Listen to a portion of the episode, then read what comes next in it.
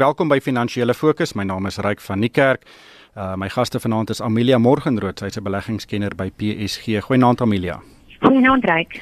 En saam met my in die ateljee is Johan Gous, hy's hoof van Absa Bate Konsultante. Goeienaand Johan. Goeienaand Ryk. Goeienaand Amelia. Wel dit was 'n baie woelike woelige week in die sake sektor. Um en Amelia, ek wil begin by Magda Verzitska van Signia uh, een van ons groot batebestuurders of een van ons nisbatebestuurders wat hierdie week die groot stap geneem het om vir KPMG in die pad te steek. Dis natuurlik hulle ouditeursgroep. En uh, die rede daarvoor is omdat hulle ongelukkig is oor die audit wat KPMG gedoen het mm -hmm. op mhm. een van die Gupta maatskappye Linkway. Natuurlik het hulle ongelukkig uh, misgekyk dat daar 30 miljoen rand wat bestem was vir 'n landbouontwikkelingsprogram in die Vrystaat uiteindelik betaal het vir die Gupta se troue by Sun City. Dis waaroor Magda baie ongelukkig was. Uh, sy het met hulle in, in verbintenis getree en gesê luister, wat gaan hier aan? En 'n paar weke later het sy nie die regte antwoorde gekry nie en hy en toe sê sy daar, "Chaila, daar gaan julle." So dis 'n groot storie. Uh, wat dink jy van hierdie hele van hierdie hele storie? Maar ek het nog 'n punt beter reik want ek het nou na onderhoud geluister ehm um, Vrydag aand uh, wat sy gedoen het. En sy het eintlik drie goed uitgelig en jy weet as mense nou net luister na die Linkway ding dan dink jy daar is 'n moontlikheid dat die auditeure iets dalk kon miskyk. Maar jy weet, daar's twee goed wat hulle wat hulle daar verkeerd gedoen het. Nommer 1, hulle het nie agtergekom dat geld gewas word nie. Want daai regeringsfondse wat bedoel is was vir daardie suiwelprojek in in die Vrystaat, wat gekanaliseer na 'n buitelandse rekening en dit het weer teruggekom na Linkway toe wat basies 'n uh, 'n um, 'n uh, uh, eventsmaatskappy was. Nou, wat funksies reël. Ehm um, nommer 1 het daai daai maatskappy blykbaar nog nooit sulke groot funksies gedoen of ehm um, besigheid gedoen nie. So dit was die eerste vlaggie wat moes opgaan. Ehm um, en dan die die twee die ander ding wat baie belangrik is en um, die auditeure, die die auditeur wat op die junior auditeur wat op hierdie ehm um, maatskappy geaudit het, het dit bevraagteken dat hierdie uitgawes vir die troue ehm um, van belasting afgetrek kan word en uiteindelik is dit wel toegelaat. So boonbehalwe dat hulle die geld gewas het, er is het daar nie eens van die geld teruggegaan na die ontvanger toe uh, nie. So dis alles net geld van van die belastingbetalers wat gesteel is. Dan het hy nog twee goed uitgelig. Sy sê die ook by notering wat KPMG ook by betrokke was. Ehm um, sy sê dit was die waardasie van die maatskappy was totaal en al opgeblaas. En omdat sy self onlangs deur 'n notering gegaan het, het het sê sy um, weet sy hoe, hoe moeilik dit is om die waardasie te bepaal van die maatskappy en wat 'n rol die ouditeure daar speel. Dan ook het KPMG 23 miljoen rand verdien uit fooie wat hulle gekry het om daai sogenaamde rogue unit van Pravin Gordhan onder onder sy um, beheer um, te ondersoek. So ehm um, dit en sy sê sy voel daai 23 miljoen rand moet moet KPMG eintlik teruggee want dit is eintlik die belasting dit is ook die belastingbetalers se geld wat daar gesteel is. So sy het 'n hele rit van goedjies ge, gegee. En ek dink dit is nogal dit is dit is punte wat wat mense nogal moet oordink, nê. Nou, en mense moet wonder ja het die auditeure in in in reg opgetree. Maar dis die punt Johan, ons sit hier in 'n baie weet 'n siniese omgewing. Almal wantrou eintlik enigiets wat die regering doen op die oomblik. Ehm um, en KPMG is nou in die, in die middel daarvan. Ehm um, maar ek het 'n onderhoud gedoen met Magda en dit is so op ons webblad beskikbaar, maar en as jy dit lees, is hy regtig baie verneig. Hy sê luister, alle maatskappye moet bande breek met maatskappye wat uh, uitgewys is as 'n uh, deel van hierdie Gupta netwerk en dit is nie net KPMG nie, dis ook SAP hmm die Duitse programmatuurgroep ook Software AG, um, McKinsey is groot maatskappye en sy sê daai ander maatskappye wat kliënte van hulle is met bande breek. Dis nie altyd so maklik nie, um, maar sy het nou die, die leiding geneem hier. Dit is en in hierdie week by 'n klein sake in Durban het sy gesê dat ons as 'n land nou by 'n plek is waar politiek en die ekonomie ineengeweef is en dat dit 'n baie gevaarlike tyd vir Suid-Afrika as 'n demokrasie is en dit is goed gewees om te sien dat sy self Dinsdag met KPMG gaan gesels het en daai antwoorde gesoek het. En ehm um, dit is ek dink dit is 'n duidelike boodskap die stap van van van Signia se duidelike boodskap oor die gevolge van swak korporatiewe bestuur uh, wat aan die mark gestuur is en ek dink die rol van besigheid om polisieering te begin toepas in 'n omgewing waar die regstelsel onder druk verkeer en uh, reg en geregtigheid uh, te lank om te uh, te geskied. Hierdie is is is die tipe van meer uh, die tipe van gedrag wat ons dalk kan verwag van van hierdie maatskappye in ons land. Hmm. Maar Johan, ek bly by jou nog 'n ding wat ons hierdie week gesien het is dit Anoy Singh die uh, finansiële ehm um, hoof van Eskom is geskort ehm um, hangende 'n ondersoek ehm um, en hy's natuurlik ook in die middel van verskeie skynbare Gupta transaksies, Gupta verwante transaksies. Uh, dit lyk daarom asof daar stadig maar seker van die regering se kant af iets is besig om te gebeur. Nou nie wat ons almal wil sien uh ongroot weet onafhanklike ondersoek nie, maar hier en daar begin dinge gebeur. Hmm.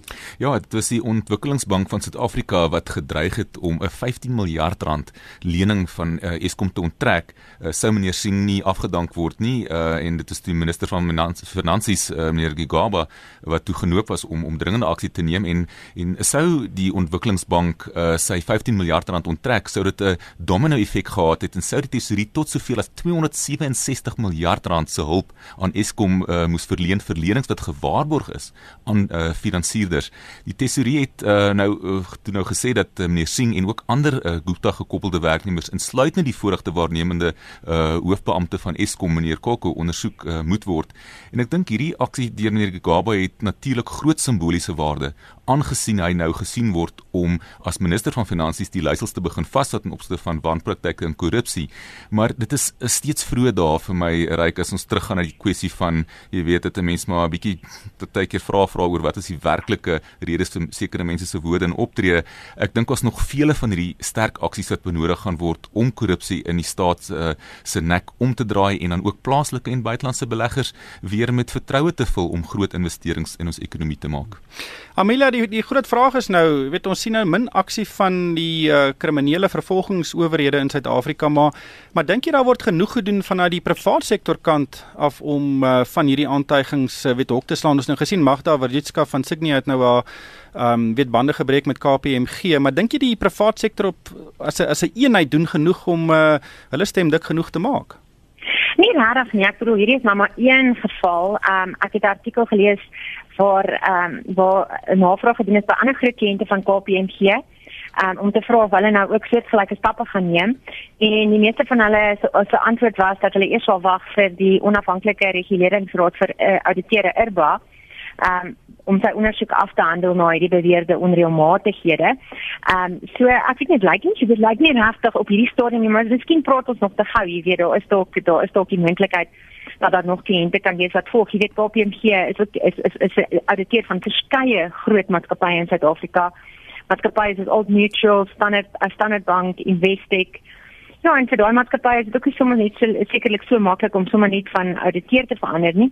Maar dit is moontlik dat hulle kan volg, né? En dit kan verrykende gevolge vir KPMG ehm um, inhou. Ek bedoel, jy weet self wat het met gebeur met die auditeure van Enron. Ehm um, En ja, ek dink nie dit is onmoontlik nie, maar daar's definitief iets aan die gebeur en die feit dat ehm um, die die finansiële hoof van Eskom ook nou ehm um, weet ehm um, op verlof geplaas is, ek dink. Maar ek dink dit is ten minste 'n stap in die regte rigting, maar ek dink daar in, in daai geval is dit ook ehm um, iemand moet nou die moet nou die blom kry want ek het toevallig vandag in die rapporte 'n uh, artikel wat ja uh, ges, uh, gelees wat Jan de Lange onderhoud met Brian Molefe gehad het waar hy gerieflikheidshalwe baie van die skuld ehm um, of die die skuldpak op die finansiële direkteur van ehm um, van Eskom. Jy weet vra wat hy moet beantwoord oor ehm um, die boete van Tegeta en ehm um, die waarborg wat uitgereik is. Want hy net gesê nee, hy was nie daar nie. Hy weet nie eens daarvan nie. Die finansiële direkteur het dit gedoen en menslik maar bietjie voor aan dit. Ja. Kom ons gesels 'n bietjie oor die ekonomie Johan. Ehm um, Letsetja kan ja gou die die uh, gouverneur van die Reserwebank het hierdie week gesê hy dink die ergste is agter ons. Uh ons kan dalk ekonomiese groei in die tweede kwartaal sien. Ehm um, weet ek ek dink baie mense is baie skepties oor die oor die vooruitsigte vir ekonomiese groei. Hoe interpreteer jy sy opmerkings? Ja, kom ons gaan net terug na laasweek met die rentekoers aankondiging. Uh toe het die Reserwebank sy aanvanklike verwagtinge vir ekonomiese groei vir hierdie jaar van 1% na 'n half persent gesny. Dit is redelike drastiese aanpassing, maar ek glo dit is 'n meer realistiese uh siening wat hulle nou het om teen die moontlike groei in ons ekonomie. Die regte probleem is dat die uh swakheid in ons ekonomie is uh redelik uh, dit is oor 'n breë spektrum wat ons na kyk hier. So jy weet dit is as jy gaan kyk na uh, die bietjie oplewing wat ons wel gehad het of sekere van die sektore wat goed gedoen het in die eerste kwartaal al het ons negatiewe groei gehad was mynbou wat 'n baie wisselvallige tipe van uh industrie is en die ander was die was eintlik maar jou um landbou sektor wat maar net basies besig is om te herstel van die droogte. So dit is die probleem ek dink ons 'n klomp groot gedeelte van ons plaaslike ekonomie uh wat stimulus nodig het om hom aan die gang te kry. Ja. Maar Amelia, maar ons ekonomie in die eerste kwartaal het almal aan die negatiewe kant verras. Um ek dink as ons 'n halwe persent halwe persentasiepunt groei sien vir jaar sal dit eintlik 'n uitstekende resultaat wees komende van die ek dink is 1,6% negatiewe groei wat ons gesien het in die eerste kwartaal. Ja, ek weet nie reg ek is um, ek ek, ek dink die Reservebank um, is baie optimisties. Um, ek is nie doodseker waar dit gaan vandaan kom nie. Miskien bietjie van 'n herstel aan die landboukant. Ehm um, vir die kommuniteitsmaatskappye doen ook 'n bietjie beter, maar kommuniteitspryse het nie dramaties gestyg um, in die jaar so weet die hierdie jaar nie. So ek is seker ek is nie doodseker nie want uh, dit lyk andersins as jy gaan kyk na die ander maatskappye se resultate, die kleinhandelaars en so aan, dan lyk dit maar nie te waffers nie. Weet die meeste van hulle ehm um, kondag by kan by kan geen groei aan nie en van die klerehandelaars negatief weet eh, het definitief gekrimp. So uh, ja, ek dink verbruikers hou nog steeds hulle geld vas. Ek dink nie maatskappye spandeer nie, hulle brei nie uit nie. So daar's 'n totale afwesigheid van investering in Suid-Afrika en ek het nie daar moet eers 'n verandering kom in terme van die die die, die vertroue wat ehm um, wat die besigheid besigheid Suid-Afrika in ehm um, moet kry voordat ek dink daar wesenlike herstel gaan wees. Johan, kom ons kyk 'n bietjie oor die Atlantiese Oseaan. Amerika het goeie ekonomiese groei syfers gesien wat hierdie week bekend gemaak is en dit wys net weer eens weer dis die grootste ekonomie in die wêreld en dit is stadig maar seker besig om uh, momentum op te tel en dit is natuurlik goeie nuus vir die vir die hele wêreld. Hooplik sien ons hom ook 'n bietjie bietjie positiewe weet uitkringe daarvan. Ja, kyk natuurlik die Amerikaanse ekonomie is die grootste ekonomie in die wêreld en daarom is alle oë gewoonlik op daardie ekonomie uh, so vooruitsigte uh, gefokus. Nou die FSA se ekonomie het met 2.6% in uh, kwartaal 2 uh, gegroei en dit is na die vo finale vooruitskatting van kwartaal 1 wat op groei van maar net 1.2% vasgestel is. Nou die gemiddelde groei van die FSA ekonomie oor die afgelope 70 jaar is 3.2%. So die FSA se ekonomie is nog steeds besig om onder die langtermyn uh, gemiddeld te groei. Uh, maar ek dink die probleem hierso reik is dat verskeie van meneer Trump se groei georiënteerde beleide wat hy tydens sy verkiesingsveld tog gepromoveer het, is nou bietjie vasgevang in 'n politieke moeras en gaan die FSA se ek ekonomie dalk nog vir 'n wyle onder die langtermyn groei potensiaal hou. Maar die Fed se rentekoersbesluit uh weet vir die res van 2017 en dan ook hoe die hele afskaling van die Federale Reservebank se totale skuld op sy balans staat wat 4.5 trilljoen dollar beloop uh, gaan uh, gaan uitspeel. Dit daardie gaan bepalende faktore wees. Die internasionale monetaire fonds het wel hulle ekonomiese groei verwagting afgeskaal van uh, 2.3% uh, vir die jaar as geheel na 2.1% en dit het te doen met die feit dat dit lyk of meneer Trump se beleide bietjie langer gaan vat om in te skop. Amelia stem jy saam? Dink jy uh Uh, Trump is uh, 'n voordeel of 'n nadeel vir die Amerikaanse ekonomie op die oomblik uh, val as mens nou kyk nou wat hy nou wat wat die ekonomie nou reg kry. Kyk ek, ek is te bang om te sê want ek is bang ek kry dalk 'n klap van iewers af want um, hy is so ongewild oralste. Maar persoonlik persoonlik dink ek nie ehm um, die goed wat hy doen is so verskriklik as nie ek stem saam met sekere dinge wat nie wat hy miskien anders kan hanteer en 'n um, ehm, bietjie meer diplomaties wees wat nie van 'n leier verwag. Maar die meeste van die goed as as jy mooi daarna gaan kyk wat hy doen en die beleide wat hy wil implementeer is eintlik baie voordelig vir die Amerikaanse ekonomie en ek dink nie dit is so sleg nie en ek dink baie ander lande sou dit graag wou doen. So ek dink persoonlik dit is baie positief uh, vir daai ekonomie. En omdat die markte vertel altyd vir jou die waarheid in die, in die meeste van die gevalle. En dit kan wees dat die markte goed verkeerd prys, maar ek bedoel hoekom sal die die Amerikaanse mark vir maande nou al ehm um, op 'n sterk loopie wees en aanhoudend nuwe hoogtepunte bereik as hulle nie as, as daar nie ehm um, die, die as daar nie 'n mate van van vertroue is en en van die binnekringe wat weet dat baie van hierdie goed gaan werk nie. Johan, uh, ons het ook hierdie hierdie ons het hierdie week gesien, ons het 'n nuwe rykste man uh, in die wêreld, hoewel dit omtrent net omtrent vir 'n uur was dat hy die rykste man was en dis natuurlik Jeff Bezos van Amazon wat by Bill Gates van Microsoft verbygeskuif het. Uh, wat het daar gebeur? Ja, wel, ons weet Amazon is 'n uh, aanlyn kleinhandelaar en nou Bill Gates was reeds sedert Mei 2013 die die rykste man in die wêreld gewees. En uh, toe in hierdie week het Amazon se prys so 'n bietjie opgegaan. Ek dink hierso na 1065 dollar per aandeel en vir daar so 'n uur of so het uh, het sy netto waar, uh, waarde van dit is nou van meneer Bezos opgeskuif na 90.6 miljard dollar en uh, arme meneer Gates was toe maar op 90.1 miljard dollar gewees. Um, maar ek hoop net reik dat meneer Bezos ook so filantropiese streek in hom het soos meneer Gates wat met sy Bill and Melinda Gates Foundation 'n groot verskil maak in in in baie goeie projekte reg oor die wêreld. En miskien hopelik sal Elon Musk met hierdie uh, nuwe motor of die Tesla 3 wat hulle vandag uitgereik het dalk ook binnekort saam met hierdie manne kan praat. Ek hoor Steve Bezos is nou nie die persoon wat eers sy hand opsteek om 'n uh, ronde drankies te betaal na 'n golfwedstryd nie. Ja, dis hoekom ek sê ek hoop daar is tog iewers 'n filantropiese streek. Ja.